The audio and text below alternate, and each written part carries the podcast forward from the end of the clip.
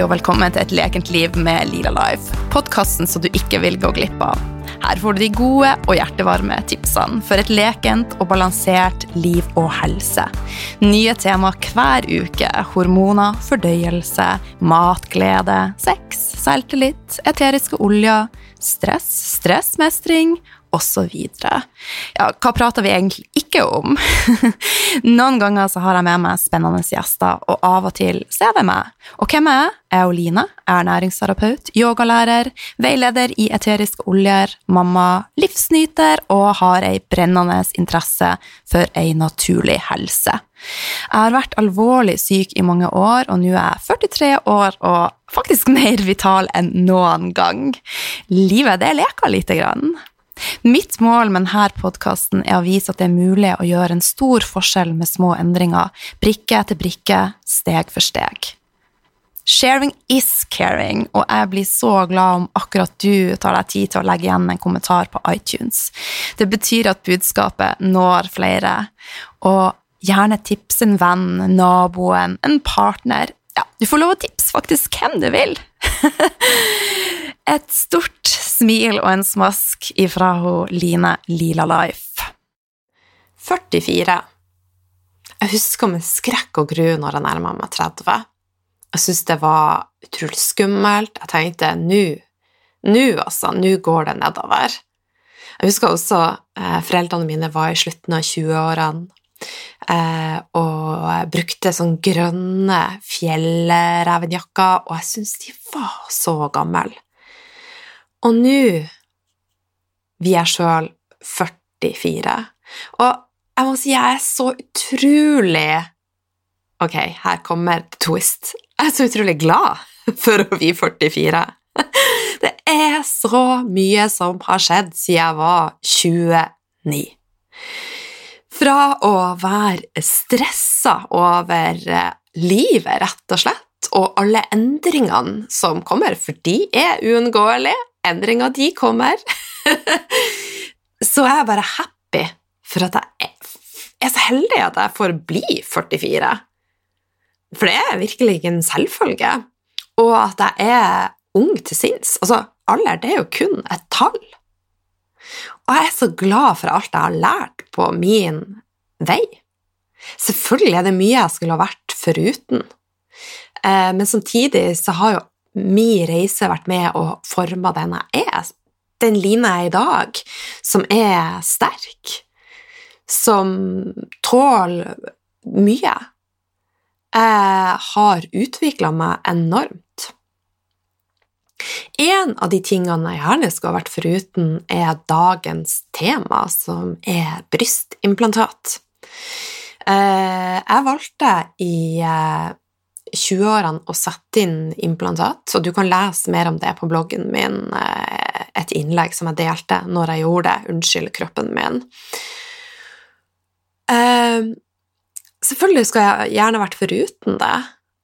Jeg skulle gjerne vært foruten 20 pluss år med spiseforstyrrelser, men samtidig så kan jeg ikke bruke tid på å være lei meg for at det har skjedd. Selvfølgelig kan jeg reflektere over det og, og, jobbe med det og jobbe med å gi slipp, men det er jo en del av meg, og det har vært med og forma meg. Og alle de tunge og litt kjipe tingene som jeg har eh, gjennomgått og opplevd, har gjort livet mer levelig nå. Jeg vet ikke om det er kanskje litt vanskelig å forstå det, men det gjør at jeg setter mye mer pris på de små tingene. Og det er så viktig at vi tenker over at uten regn så har vi ikke blomster. Uten nyanser og perspektiv så vil kanskje ting bli litt flatt og kjedelig. Så det er noe med å ønske velkommen alle nyansene livet har å by på, og samtidig prøve å møte på en best mulig måte, for mye handler om hvordan vi møter ting. Så på fredagen Og jeg elsker jo fredager. I dag er det torsdag. Uh, I morgen er det fredag. Min favorittdag. Jeg er 44 år, det er sol i Bodø, og jeg har bestemt meg for å istedenfor å kjempe imot, så skal jeg surfe med. Så jeg ønsker smilerynker, cellulitter, ja, du hører at jeg ønsker vi velkommen, og også grå hår. Eh, det med kropp er et vanskelig og ømtålig tema, og jeg tenkte over det i morges når jeg skrev dagbok. Hvorfor er vi så opptatt av at vi skal se sånn og sånn ut? Og det er jo også et enormt tema, det har jo mye med hva vi er programmert til via media, motebransjen, eh, mange av modellene som brukes, er menn. Og jeg tenker at vi må sette ned foten nå, for alle dietter, alle treningsformer, er forska på menn på en eh, circadian rhythm, som er en mannlig syklus.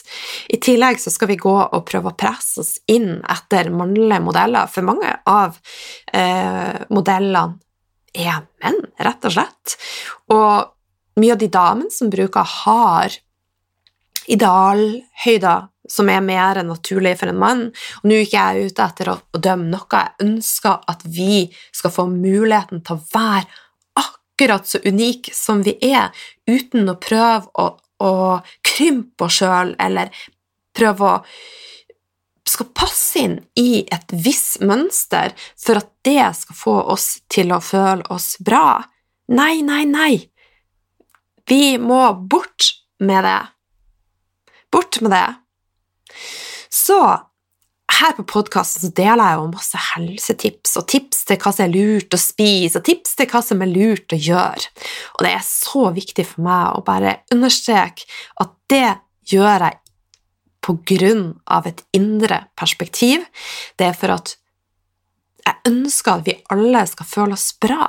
Det er ikke for at vi skal se ut som glansbilder, og jeg tenker at livet vårt skal leves på en rosa sky, og så skal alt bare være fryd og gammen. Det er rett og slett for jeg ønsker at vi alle skal være den beste versjonen av oss sjøl. Så mitt bursdagsønske er at eh, bare med at du hører på podkasten, det gjør meg kjempeglad, for det betyr at vårt eh, budskap når ut til flere.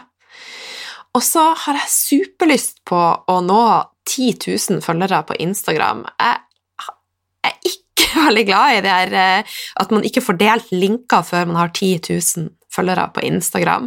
Jeg har lyst til å dele artikler når jeg deler henne, Margit Vea, når jeg deler av Helene Ragnhild som jeg skal prate med i dag. Jeg har lyst til å få lov til det. Så hvis du har lyst til å anbefale pod eh, podkasten, selvfølgelig, men også Instagrammen min, Line eh, Nei, den heter ikke Line, den heter Lila understrek life. Så vi er så, så glad. Det hadde jeg satt utrolig stor pris på, og det hadde også gjort at jeg kunne få dele episoden via Instagram uke for uke. Nå har jeg litt sånn whiskystemme. Det er ikke for at jeg har feira at jeg er 44, for det har ikke jeg gjort ennå. Jeg skal feire. Men jeg tror det blir med kombucha istedenfor alkohol. Jeg har ikke helt bestemt meg. Jeg har ikke drukket alkohol nå Jeg har drukket litt en gang i 2020, og det var i Stockholm. Da drakk jeg litt vin. Utenom det så har jeg ikke rørt alkohol. Men min rustne, litt sånn eh, edgy stemme, det er rett og slett for at eh, det er tidlig på dagen. Og en ting som jeg ikke deler så mye, er at jeg har vært eh, aerobic-instruktør i ca. 20 år og har ropt altfor mye, så på morgenen så har jeg skikkelig ruskete stemme for at stemmebåndet mitt er slitent. så da var det jo perfekt at jeg fant ut at nei, jeg har lyst til å skravle videre i mitt liv. Så eh, nå skal jeg slutte å skravle, og så er klar for å ønske dagens gjest velkommen og jeg gleder meg til å dele vår historie om hvorfor vi valgte å sette inn brystimplantater, men ikke minst hvorfor vi valgte å ta de ut. Hjertelig velkommen til en ny episode av Et lekent liv med Lila Life. I 2016 delte jeg min historie da jeg valgte å fjerne egne brystimplantater. I episode 69 er det hun Helene Ragnhild som åpent og ærlig deler sine innerste tanker og følelser med oss. Og om fem dager er hun klar til å ta ut sine brystimplantater. Og jeg er så glad for at hun i dag velger å dele historien med oss. Hun Helene Ragnhild hun har vært gjest på podkasten flere ganger før, og det er alltid like hyggelig og inspirerende å ha henne med. For deg som ikke kjenner hun Helene Ragnhild, jeg tipper de fleste vet hvem hun er, men hun har en bachelor i ernæring, jobber i sitt eget firma og er mamma til Lykke. Dagens tema er så viktig, og jeg vet at både jeg og Helene skulle ønske at denne informasjonen var der ute da vi tok våre valg. Det er veldig viktig for oss å presisere at ingenting av det vi deler, er for å dømme eller ta valg for andre jenter eller kvinner. Vi ønsker rett og slett bare å belyse, sånn at du skal ta, stå sterkere når du tar ditt valg. Antall jenter og kvinner som velger implantater, er økende, og det samme er antallet som velger en explant, som betyr å ta ut implantater. Tallene som jeg klarte å finne fra Norge, tilsier at ca. 100 000-200 000 har satt inn implantater. Jeg tipper at det kanskje er flere. I USA fant jeg tall fra 2017 som viste at 300 000 i løpet av ett år satte inn implantater, og samme år valgte 50 000 å ta en explant. Og Helene Ragnhild skal nå gjennom samme prosess, altså en explant, og deler i denne episoden eh, reisa med oss. Så hjertelig velkommen, Helene Ragnhild. Tusen takk. I dag så skal vi bl.a. snakke om brystimplantater, hvorfor vi valgte å sette det inn, hvorfor vi eller jeg valgte å ta det ut, og nå hun Helene Ragnhild, våre beste råd til en yngre utgave av oss sjøl, utgave av oss sjøl. Fakta om implantater, som er viktig å ha med seg når man skal ta et valg. Krefttyper som er linka opp mot implantater. Explant, selvfølelse. Men før vi hiver oss i gang med samtalen, så vil jeg lese opp ei tilbakemelding fra en av dere lyttere. Og den er fra Birgitte. Utrolig lærerikt. Må innrømme at det var med en viss skepsis jeg begynte å høre denne podkasten, men nå har jeg nesten hørt alle episodene. Interessante og relevante gjester og høyaktuell info om mat og helse får meg til å ville vite mer.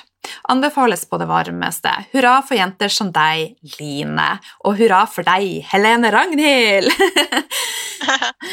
Tusen takk for den tilbakemeldinga, Birgitte, og for fem stjerner. Det setter jeg stor pris på. Og jeg vet at både jeg og Helene vi er veldig glad om du tar deg tid til å dele dagens episode, og også legge igjen en tilbakemelding via iTunes. Det betyr at episoden når ut til flere. Så tilbake til deg, dagens gjest, Helene Ragnhild. Hei! Hvordan starta du dagen din i dag? Åh, det har vært litt spesiell morgen, fordi i dag så la jeg ut ikke bare at jeg skal fjerne silikonimplantatene, men også at jeg har silikon, for det har jeg egentlig aldri delt før. Så sånn med mat og sånn, så startet jeg med litt varmt sitronvann og fikk sove litt lenger, fordi eh, Jonna sov inne med Lykke. Ah. Da var det ikke opp klokka fire i dag, men heldigvis klokka seks. Og så, og så, spiste vi alle sammen eh, havregrøt. Eh, så i dag så vi lager litt forskjellige typer havregrøt. Har, eh, vi bløtlegger alt sammen sammen, og så koker vi opp med havremelk. Og så har vi litt forskjellige ting oppi ut ifra preferanse. Ah. så det er Det syns jeg er Jeg kjenner veldig etter hva jeg liksom har lyst på, og, og velger litt deretter. Mm. Mm. Vet du hva, Jeg har jo ikke spist eh, havregrøt nå på fire måneder. Jeg må si jeg savna det. Så eh, jeg har jo bursdag på jeg er faktisk i morgen. Ja, og da tenkte jeg jeg skulle unne meg en skikkelig havregrynsgrøt. ja. Rart. Der. Hatt masse sånn perioder uten å spise havre, altså korn i det hele tatt, og sånn, og da savner man det. Og så er det noe med at du kan nesten som brød. Hvis du lager, jeg husker jeg lagde brød på de mest utrolige, rare ting. Og så var det sånn mm, Det er brød. Og andre bare Det der er ikke brød. man blir liksom vant til alt mulig rart når man er på sånn eliminasjonsdietter. Ja, helt, ja, det er så sant. Men du, du sier at dagen din i dag har vært litt sånn annerledes, for du har gått ut med informasjon. Kan ikke du fortelle litt? Jo, jeg um, har alltid egentlig likt veldig godt å dele ting åpent, og jeg har ofte delt når jeg har vært i ting også. Sånn som når jeg gikk gjennom prøver, så delte jeg veldig sånn litt sånn in real time. Jeg bare la ut jeg la ut liksom en face, ikke Facebook-la, men jeg kunne legge rett ut på Snap da, hvis jeg hadde vært hos gynekologen og fått vite at jeg ikke hadde blitt gravid. så kunne jeg liksom bare dele der og da. Det har gitt meg ikke minst det å skrive. Jeg er veldig terapeutisk for meg, hjelper meg å sortere tankene. Så bare for en uke siden så begynte jeg å skrive et innlegg om hvorfor jeg tok silikon, og hvorfor jeg nå ville ta de ut. Og det var veldig deilig for å få det på plass. Og i dag når jeg skulle legge det ut, så kjente jeg sånn Det er liksom lenge siden jeg har hatt en sånn følelse hvor jeg sitter på og trykker liksom den publiseringsknappen og er litt sånn Oi, oi, oi, liksom. Hvordan slår det her an? For jeg er alltid redd for at folk skal Litt sånn pga. min historie med ME og sånn, så er jeg alltid usikker på hvordan ting blir tatt imot. Mm. Uh, at jeg føler at folk skal liksom dissekere helsen min veldig. og akkurat det valget her er jo liksom det, Jeg syns det er veldig vanskelig å snakke om hvordan de følelsene jeg hadde da jeg var yngre, og hvor jeg, hvordan jeg hadde det da, hvordan jeg har det nå. Det er veldig personlig. Og jeg tenker ofte på sånn, ok, hvem er det som skal lese det? En ting er fremmede, men også folk jeg kjenner. ikke sant? Og så har jeg bare fått en så enorm god eh, tilbakemelding. Så utrolig mange hyggelige meldinger. Alt fra jenter som skriver at de nå føler seg tryggere på å ikke ta silikon. Andre skriver at de syns at jeg er et fantastisk forbilde for barna deres. Altså jeg blir helt rørt. Ja. Fordi det er så fint da, å få lov å virkelig dele noe som er så sårt for meg, og så, mm. og så hjelper det andre. Så det har vært en uh, litt spesiell morgen. Ja. Å, får jeg òg tårer i øynene. Så, men litt tilbake i tid, hva som gjorde at du valgte å sette inn implantater? Um, når jeg var yngre, selv etter at jeg ble syk, så fikk jeg et veldig uh, kontrollbehov uh, i forhold til kroppen min. Den var jo helt ute av kontroll, følte jeg. ikke sant? At jeg ble dårlig, og så ble jeg jo sengeliggende, og alt det her har jeg jo delt masse om før, det med hjemme og sånn. Uh, når jeg kom ut av det og var friskere og sånn, så hadde jeg fortsatt et veldig dårlig forhold til kroppen min, var veldig opptatt av hvordan jeg så ut, sånn ned på detaljnivå. Eh, ikke sant? Litt sånn her, å, hvordan er huden min der og der på kroppen min? Hvordan ser den liksom, delen av låret mitt ut? Eh, mm. veldig sånn bevisst mm. på eget utseende. Jeg tror jeg hadde litt sånn Og så så meg selv veldig annerledes. At når jeg ser tilbake nå, så ser jeg at jeg var veldig tynn. Jeg følte meg aldri tynn. Eh, veldig, altså, utfordring med mat. og så sånn masse ting. Og så var det en ting jeg ikke kunne endre, med, uansett hvor mye jeg trente og spiste lite, alt her, så kunne jeg jo ikke endre det at jeg hadde små pupper. Um, og jeg vil ikke skylde på media og alt sånn, men det var jo i den perioden veldig trendy å ta silikon. Det var veldig sånn, synes, jeg følte at det ble sett på som status å kunne ta en sånn operasjon. Det var liksom spennende. Uh, mange kjendiser delte jo at de hadde tatt silikon, og at de liksom, uh, elsket resultatet. Det var, det var, veldig lett å finne informasjon om det å ta silikon. Mm. Uh, og det har nok også vært i mange år etterpå. Um, og veldig, veldig vanlig. Jeg følte at det var liksom idealet var å ha større pupper, gjerne pupper som nesten så litt sånn fake ut. Så for meg så var det aldri fordi at jeg hadde Det var ikke sånn at jeg skjulte meg for kjæresten min, eller sånn. det var ikke sånn at jeg ikke turte å gå på strand. Jeg var, ikke, jeg, jeg var, på en måte Jeg hadde veldig veldig små pupper, men jeg følte at jeg hadde liksom fine pupper for det. Jeg var ikke noe sånn det var ingen andre som liksom ville noen gang sagt til meg at det var noe jeg trengte å gjøre, men jeg følte at ok, hvis jeg gjør det, da blir liksom kroppen min perfekt. da. Så, eh, så så tok det en stund før jeg fikk gjort det, fordi jeg hadde vært så syk. Og det var jo selvfølgelig en ting som ekstra la press på at mamma og pappa var veldig imot at jeg skulle gjøre det. Men jeg klarte til slutt å på en måte stå for det valget og være veldig sånn Nei, men dette skulle jeg gjøre. Så når jeg var 20, så, så fikk jeg tatt operasjonen, da. Mm. Ja. Mm. Eh, jeg tenkte mye av det samme som du gjorde, at bare jeg fikk de her puppene på plass, så skulle liksom Da falt alt på plass. Men det, mm. det, jeg kjente jo ikke litt på den følelsen.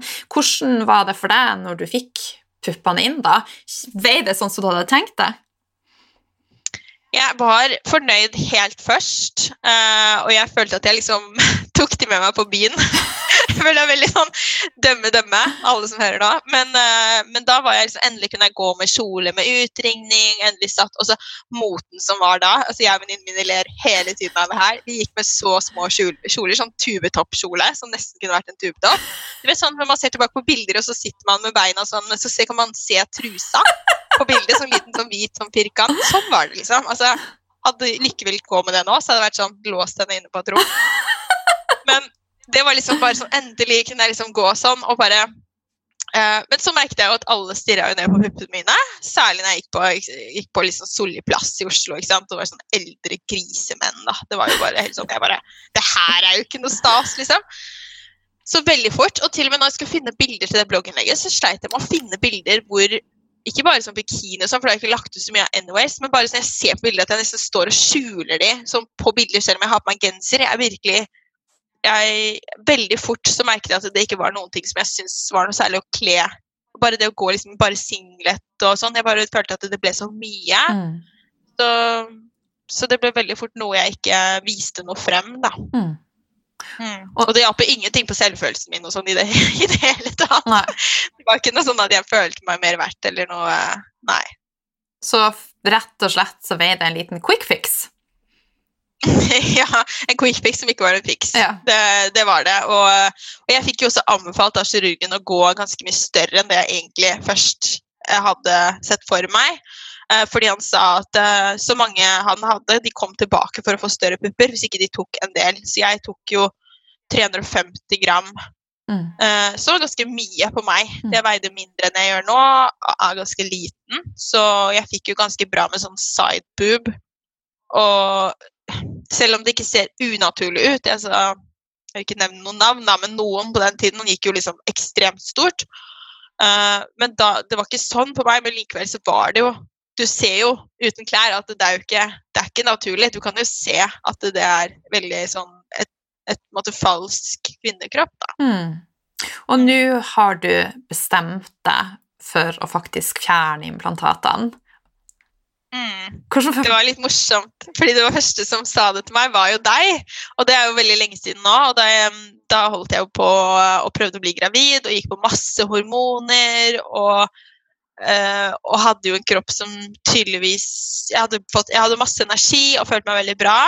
Eh, men jeg hadde jo fortsatt ting som ikke fungerte, siden jeg ikke ble gravid og ikke fikk eggløsning. Og så sa, uh, hadde du tatt ut puppene og la ut det, og så sa jeg liksom å ja, så bra, og jeg har også silikon, og visste kanskje ikke liksom Det er jo egentlig ingen som vet det, ikke sant? Nei. Så snakker litt om det. Og så sa du sånn Tenk om det er det som gjør at du ikke blir gravid? Og jeg var bare sånn Hallo, liksom. Virkelig den reaksjonen sånn Herregud, liksom. Altså, tror hun det? så det var så tydelig, sånn som vi snakket om, da, at det er så, når man ikke er klar for å høre noe, samme som hvis folk er sånn Jeg tror det kanskje det har noe med maten du spiser, da, hvorfor lager du så mye eksemen? Så er det sånn «Ah, Nei. Mm. Altså, man, når man ikke er klar, så har man bare ikke lyst til å høre det, og det, sånn var det for meg med de. Mm. Fordi jeg tenkte også at jeg hadde ikke tid til å ta de ut da, jeg skulle jo bli gravid, og det, liksom, det har jo i hvert fall ingenting med de å gjøre. All, da hadde jeg sikkert fått høre det av legen, uh, tenkte jeg, og selv om jeg er blitt veldig skeptisk til leger etter alle helseutfordringene jeg har hatt, så sånn, når det gjelder sånne ting, da, litt mer sånn dyptgående ting, så, så tenkte jeg at ja, de måtte vel sikkert sagt noe om det, og Mm. jeg tok det inn, ikke sant. Ja. Så jeg var bare ikke, ikke helt klar for å høre det. Nei. Og så har det bare modnes over tid, da, og så har denne tanken blitt noe til handling, rett og slett.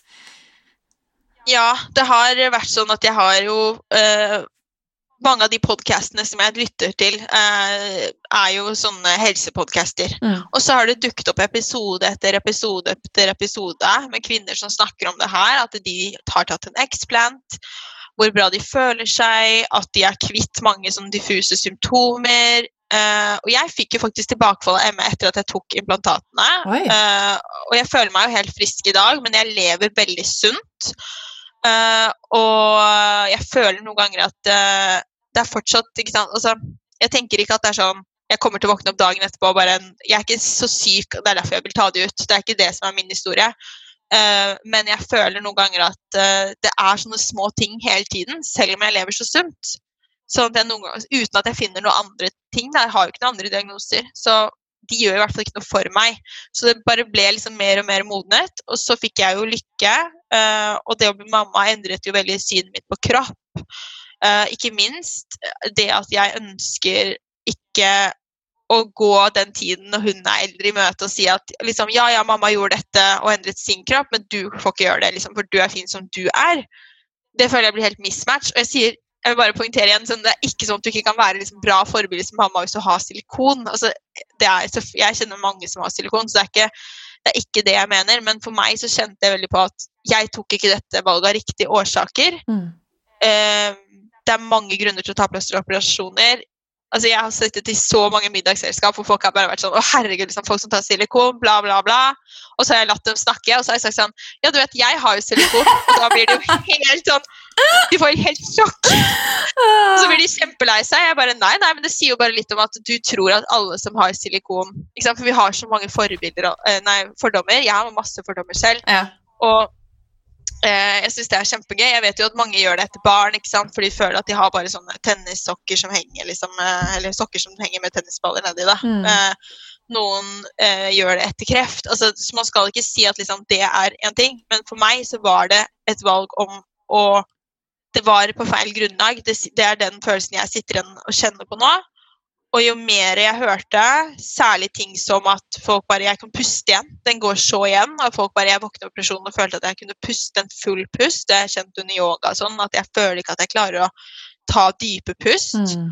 Uh, tenk, høre om liksom, det å ha plast inni kroppen vår som er såpass varm. Alt vi lærer om plast, og at vi ikke skal bruke det til varm mat, at vi ikke skal bruke det til barna våre. ikke sant, alt det her, Men likevel da å gå med plast inni kroppen i ti år det uh, traff meg jo. Mm. Um, alle liksom, mange ting, da. Sånn det at man kan klemme helt inntil igjen. Uh, ja, det er bare sånn mye Folk sier jeg føler meg som meg selv igjen. Det er bare, så for meg så var liksom disse tingene bare truffet meg og gjort meg mer og mer sikker. Men jeg syns det er et skummelt valg, og det har jeg fått mange meldinger om i dag allerede. At det er mange som sier at jeg vil, men jeg er redd for hvordan jeg kommer til å se ut. Uh, jeg er redd for sant, amming, alle disse tingene. Og det, det, kjenner jeg på. Så det er ikke et enkelt valg uh, på noe som helst vis. Uh, men det føles som et riktig tidspunkt for meg å gjøre det nå. Og jeg føler at jeg har en luke nå mellom Jeg har lyst til å bli gravid igjen, og det liksom Det passer å gjøre det nå. Så jeg har egentlig ventet et år fra jeg bestemte meg med å amme. For jeg, eller jeg har ammet et år til, da. Så nå følte jeg meg klar for å slutte å amme og bare satte datoen, og så skaffa barnevakt og bare gjør det. Og det er neste uke operasjonen skal det, ja. Mm. Gruer du deg, eller hvordan føles det? Jeg gruer meg ikke til operasjonen. Jeg er ikke redd for å operere, egentlig. Uh, men det jeg gruer meg til altså, Det jeg kjenner på, er jo litt mer sånn nå i forhold til narkose etter at jeg ble mamma. At jeg er litt mer redd for at det skal skje noe med meg. Ja. Men Samtidig så er jeg veldig sånn realistisk på sånne ting. Altså det er, narkose er jo hver eneste dag, og det er jo liksom ekstremt ekstremt sjelden. Det er mer sannsynlig at jeg dør i en bilulykke på vei til operasjonen, mm. enn at jeg dør under narkosen. Så, så, jeg er ikke så veldig redd for det. Jeg er redd for at det skal skje noen ting i forhold til amming, men det sa så kirurgene og alt jeg leser om, sier at det har gått liksom Han bare Jeg er ikke i nærheten av det vevet, liksom, og jeg skal være veldig forsiktig med å ikke jeg har min under muskelen også, så det er på en måte hele brystvevet som ligger oppå. Ja. Så det er ikke sånn at han skal skjære rundt der. Og jeg har lest veldig mye i disse gruppene. De er jo så gull verdt. Mange er jo ekstremt rause, deler bilder.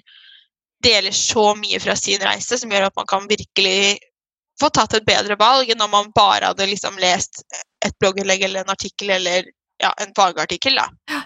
De, så det har hjulpet meg. De her gruppene som du refererer til, de linker jeg opp mot episoden, sånn at folk kan uh, finne de, da. Uh, mm. Jeg var også veldig aktiv i den ene gruppa i perioden før og, og etter, da. Så, men når du valgte kirurg, eh, hva du tok med, altså hvilke hensyn tok du, og hva gjorde at du valgte akkurat han du valgte, eller han eller hun? Um, jeg valgte han samme som satte de inn uh, fordi at jeg så i den norske gruppen at han var anbefalt, og at den klinikken var anbefalt. Ja. Um, han sa at uh, han har noen pasienter som er dårlige og sånne ting uh, av det her. Han, ikke, han, er ikke noe sånn, altså jeg tror, vet ikke om det er noen i Norge som er veldig opptatt av breast implant illness, som liksom anerkjenner det, som har sluttet å legge inn innlegg. Alt er sånn som man har i USA, så er det noen kirurger som kun tar ut nå. Mm. Um, så er det såpass mange der som tar ut, ikke sant? at de kan fint bare ta ut pupper hele dagen. Mens her er det jo ikke samme greia. Så jeg tror ikke jeg tror veldig veldig sjelden at det er liksom én lege som er sånn at de bare ha-ha, vi putter dette inn i kvinners kropper, og kanskje er det skadelig, og de vet ikke det, og liksom sånn. Jeg tror det er mer systemet. Det er ikke forsket nok på, og da forholder de seg til det. Mm. Så for meg så var det liksom litt sånn Jeg tok egentlig bare et raskt, enkelt valg på det. Eh, og, og siden andre hadde god erfaring med han, jeg var veldig fornøyd med prosessen sist, eh, så gjorde jeg det. Så det, jeg har ikke Jeg tror kanskje hvis jeg skulle Jeg jo ikke, skal jo ikke ta løft. Da tror jeg kanskje det hadde vært enda mer påpasselig med å sjekke ut Ja. hvem som liksom er den absolutt pen, liksom gjør det peneste arbeidet og sånn. Men Ja. siden jeg kun skal ta de ut, Ja.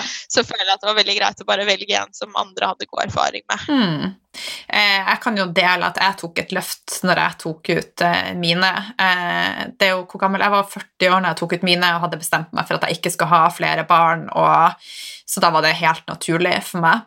Men det som er ganske Mm. sprøtt for min del, er jo at jeg har nesten like store pupper nå som når jeg hadde implantater. Det er akkurat som kroppen har liksom bare fiksa opp. Ja, Så det, De bare tok fett fra et annet sted, og så bare jeg har ikke sprøyta inn noe fett eller noe sånt. Nei, nei, nei.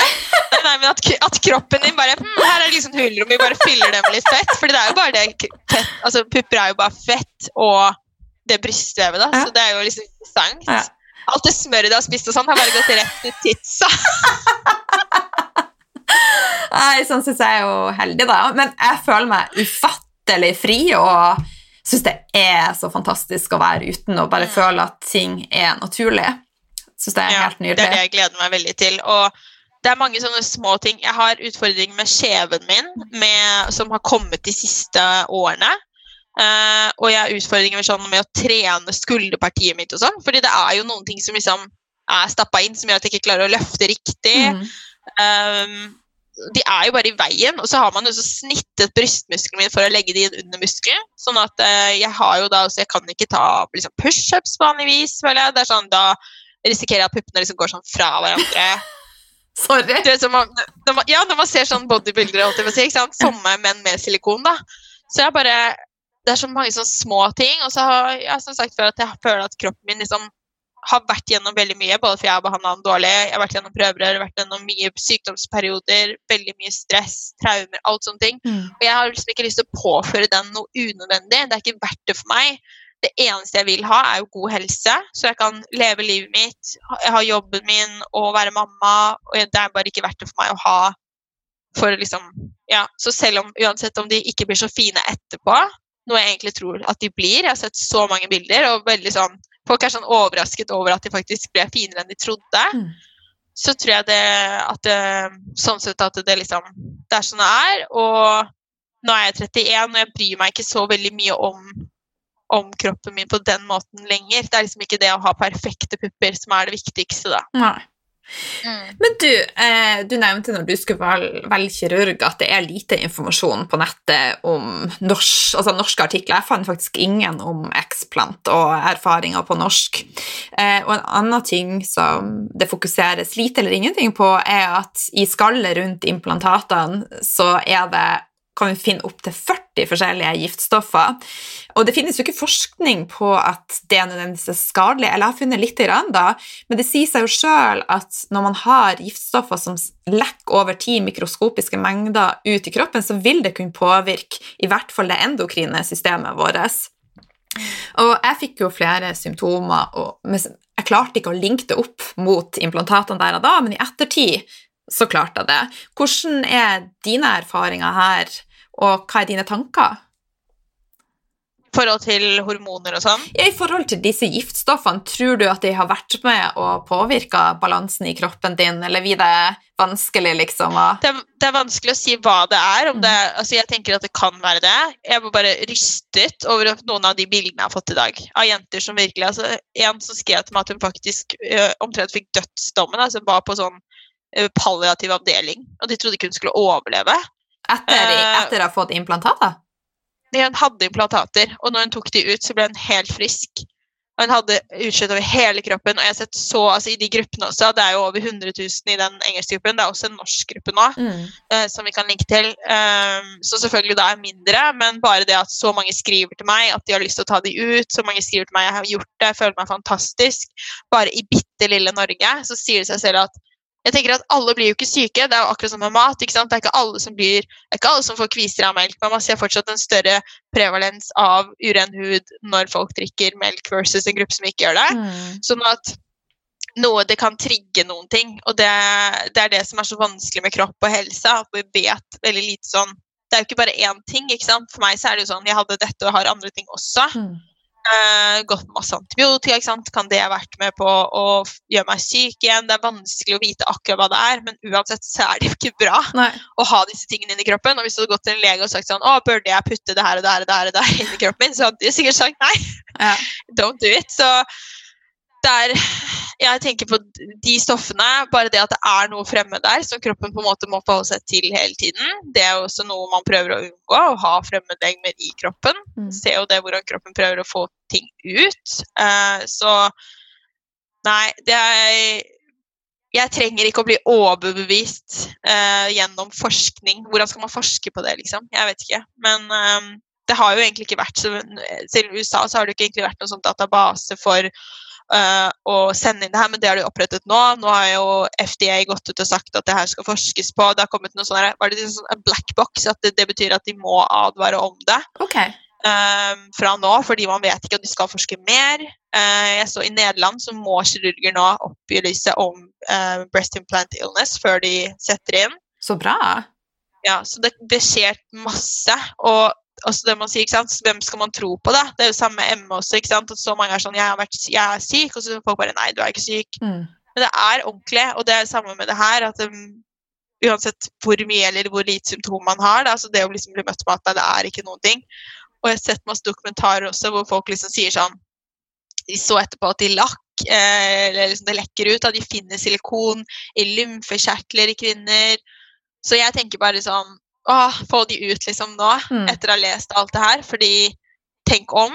Uh, og den ting som virkelig var spikeren i kisten, var jo den kreftformen som jeg skal snakke om, som er denne uh, liksom breast implant related uh, type eh, lymfekreft. Så det er ikke en brystkreft, men det er rett og slett en krefttype som dannes da mellom implantatet og kapselen. Fordi når du putter noe inn i kroppen, så dannes det en bindevev, altså en sånn arrvevskapsel rundt. Så det skjer jo rundt eh, implantatet. Og mellom den og implantatet så kan det danne seg en type kreft. Og det er jo ikke noen type kreft man kan se på en mammografi og sånn. Det blir jo ikke klump nødvendigvis, ikke sant. Så det sto liksom at det var sånn smerter, hevelse i brystet, alt sånt. Det var liksom symptomene. Og det kan jo være så mye. Mm. Så det også er sånn Ja, jeg vil leve, jeg vil bli gammel og se på barnebarn og ba- oldebarn, og jeg vil ikke ha plass til puppene mine Nei. hvis det kan gi meg en økt risiko for å få kreft og for å få andre sykdommer. Så Mm. ja, denne informasjonen er kjempeviktig at kommer ut, tenker jeg. Mm, Så man faktisk kan ta et valg. Jeg tror ikke hvis min kirurg hvis det sto nederst på det skjemaet med risiko ikke sant? Det er jo risiko for blødning, det er mange risikofaktorer de må på en måte ut med. Men hvis det sto der at man kunne få breast implant illness, men det er ikke forska på, eller sånn, jeg tror ikke det hadde stoppet meg som 20-åring.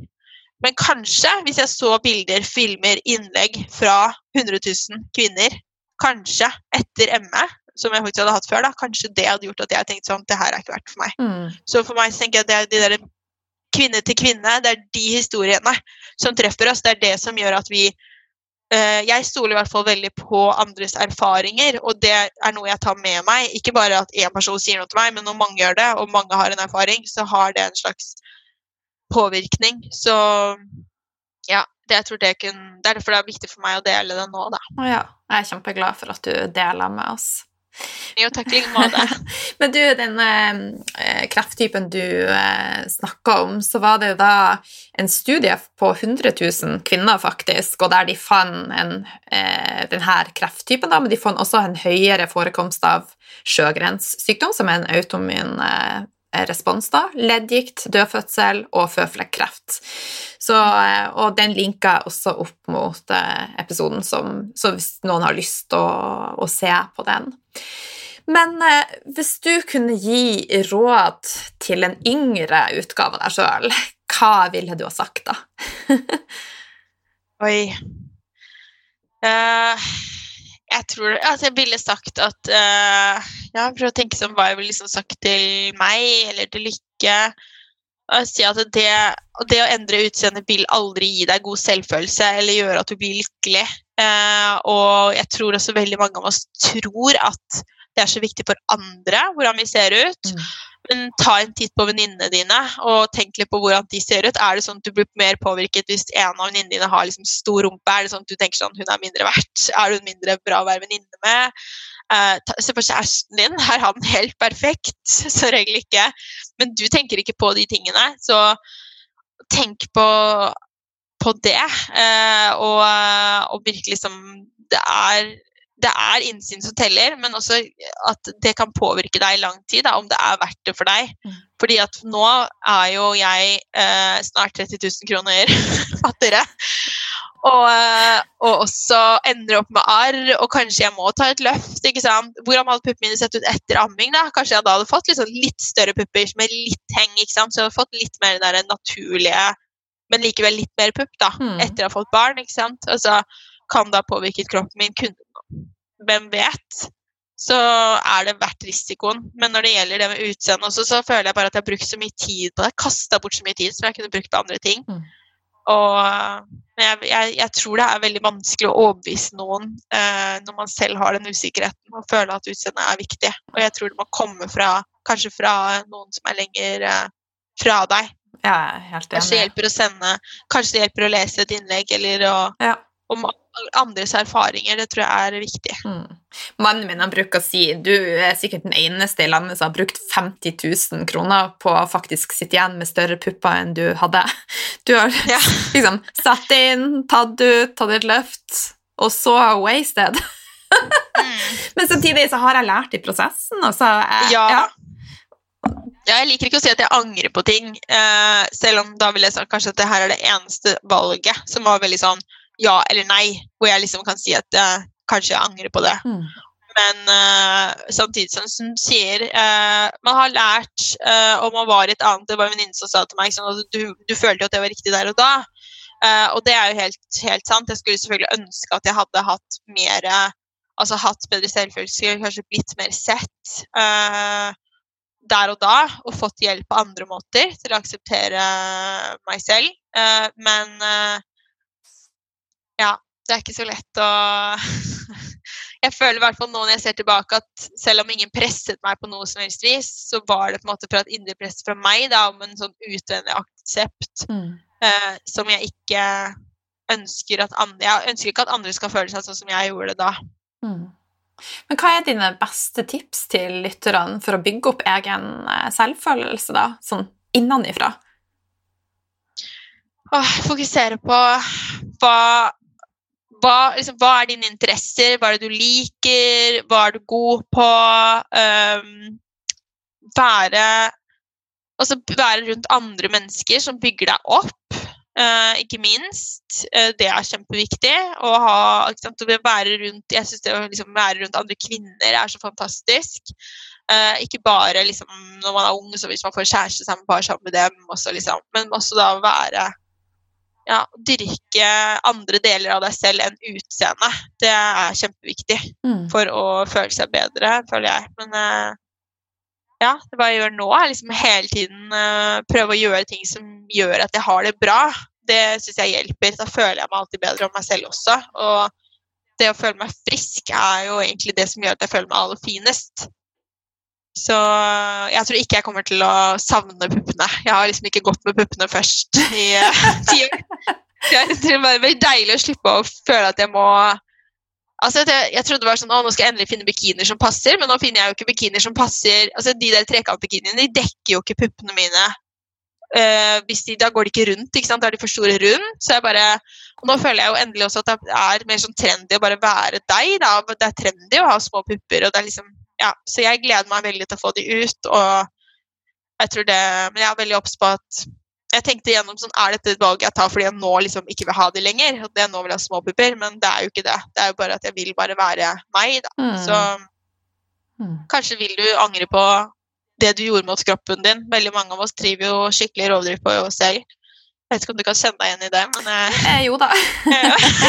jeg har en mistanke om at du kan kjenne deg igjen i det, Line. Ja, kan det. Og ikke behandle kroppen så bra. Og det, ja, så jeg håper veldig at jeg klarer å dyrke det liksom, i lykke og bare liksom, vise henne. Og da gleder jeg meg til å dele denne historien med henne og si at jeg, jeg gjorde det, og min erfaring var virkelig at det ikke gjorde meg lykkeligere. Så Mm.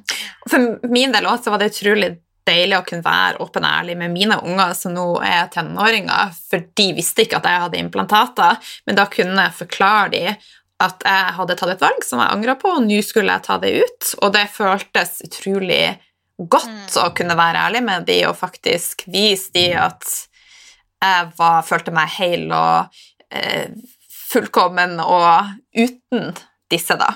Mm. mm, Ja. Så det var en sånn veldig god, eh, god følelse. mm. Men hva er dagene frem mot operasjonen, og har du noen planer? Hva du skal gjøre for å ja, støtte deg sjøl i prosessen?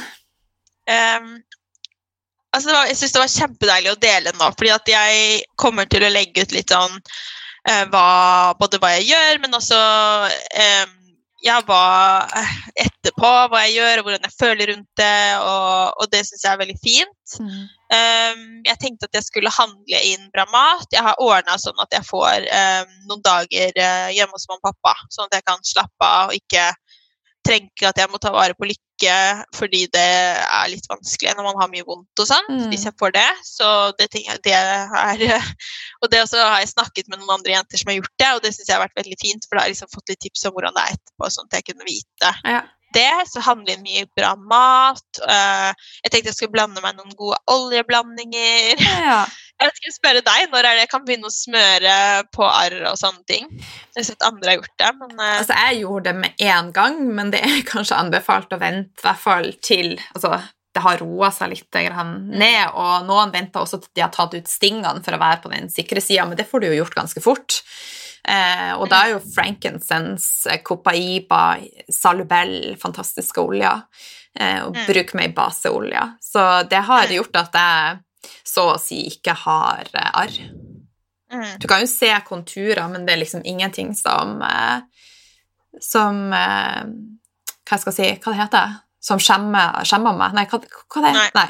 Ja, du skjønte hva jeg mente. Mm. Det gjorde sikkert du også, Ja. som hører på. Så Ja. ja.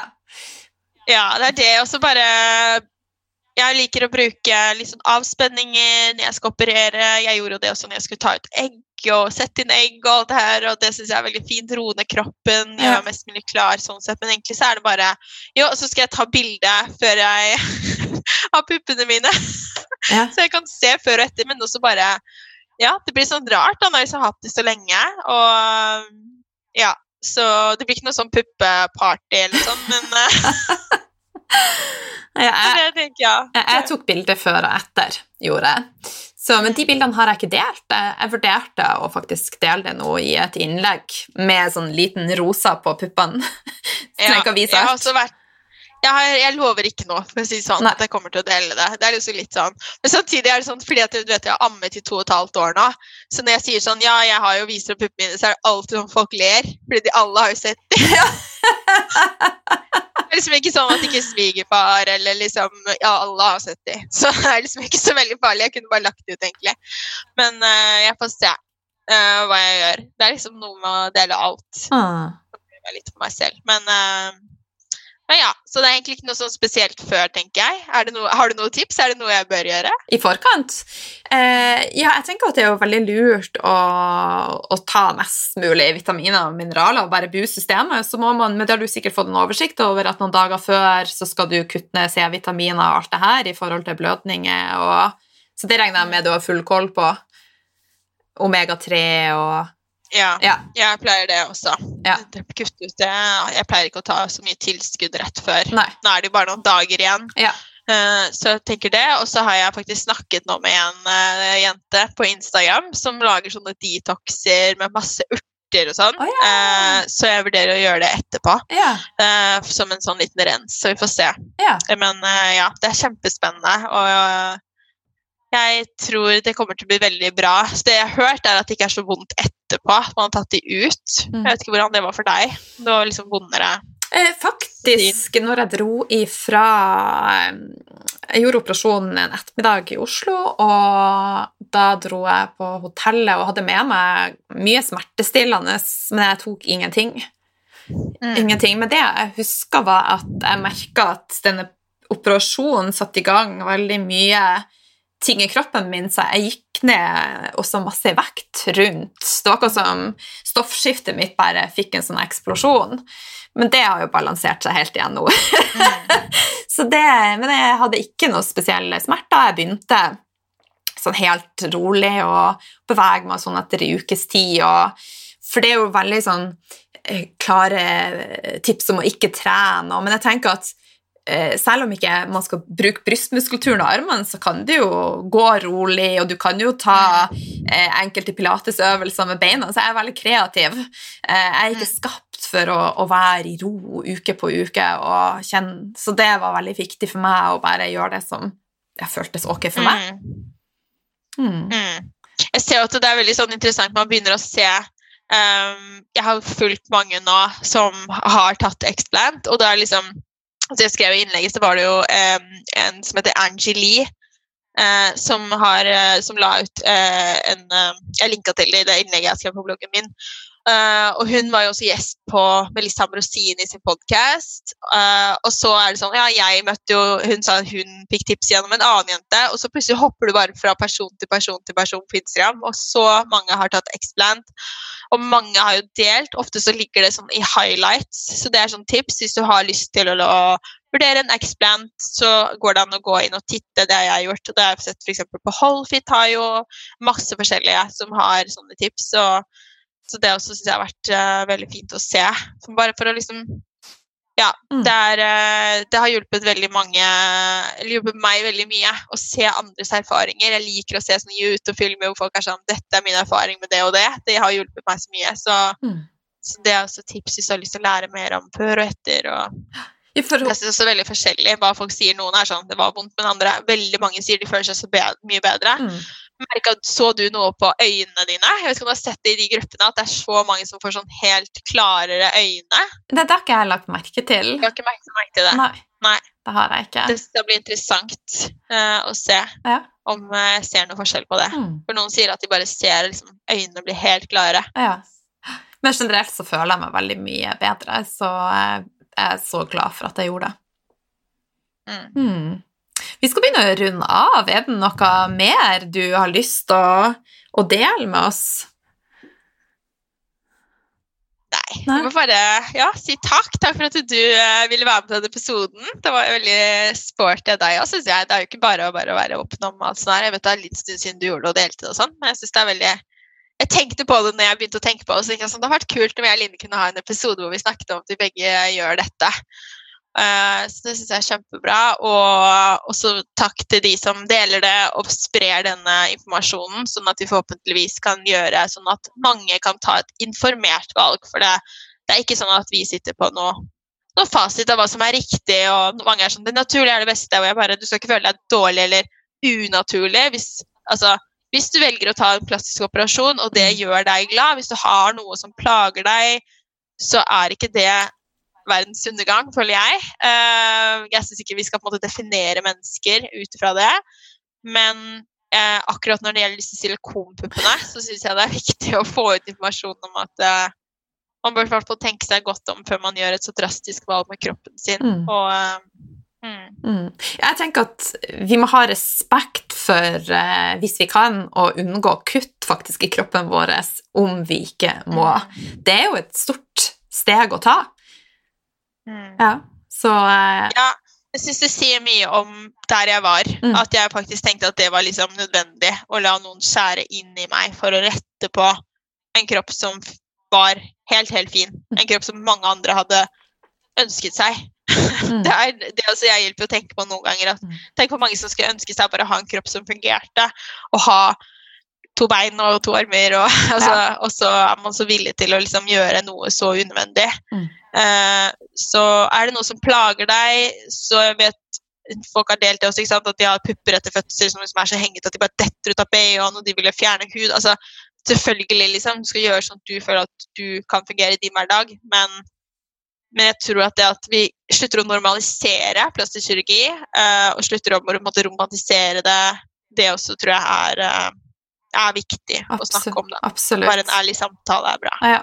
Og så er det så viktig det du sier om at du hadde mest sannsynligvis tatt det valget på nytt igjen hvis du var der du var, og det hadde nok jeg også, for min indre eh, drive til å gjøre det der og da var ustoppelig. Og jeg valgte faktisk å ta den sommer eh, uten narkose, for de hadde ingen sykepleiere tilgjengelig, så jeg sa ja, men jeg klarer det uten narkose. Så, så, så du var våken? Jeg var våken under hele operasjonen. Jeg husker et par ganger under operasjonen at de liksom tok tak i foten min, for jeg røkka til den. Så eh, ja, så Jeg vil si så syk var jeg. Mm. Mm. Ja. Jeg hadde aldri gjort det i dag, så eh, ja. Men da var jo han legen han bare Du er litt du er skikkelig tøffa, du, altså. Ja, ja. Og se på filmer på YouTube av å sette inn hvordan de liksom drar i huden og liksom stapper Altså, jeg har jo spurt Jeg skal jo spørre om å få mine implantater. Gjorde du det? Nei. Nei, jeg skal gjøre det. Og da blir jeg spent på å kjenne hvor tunge de er, liksom. Altså, det er jo store greier. Ja. Så ja. Mm. Åh, men du Spennende. Masse, masse lykke til med operasjonen. Og denne episoden eh, kommer ut med én gang, sånn at den kommer jo faktisk ut før du har gjort operasjonen. Så jeg tenker alle som hører på, gå inn og gi jo Helene Ragnhild masse kjærlighet. Takk, Line. jo, men det, det, må vi jo sende fra alle kanter. Så, Veldig hyggelig. Ja. Så eh, vet at dette kommer til å gå helt fint, og så er du supertøff som er med her i dag, så jeg er veldig stolt av deg. Takk. Det betyr masse for meg. Takk for at du var med. Tusen takk for at jeg fikk komme.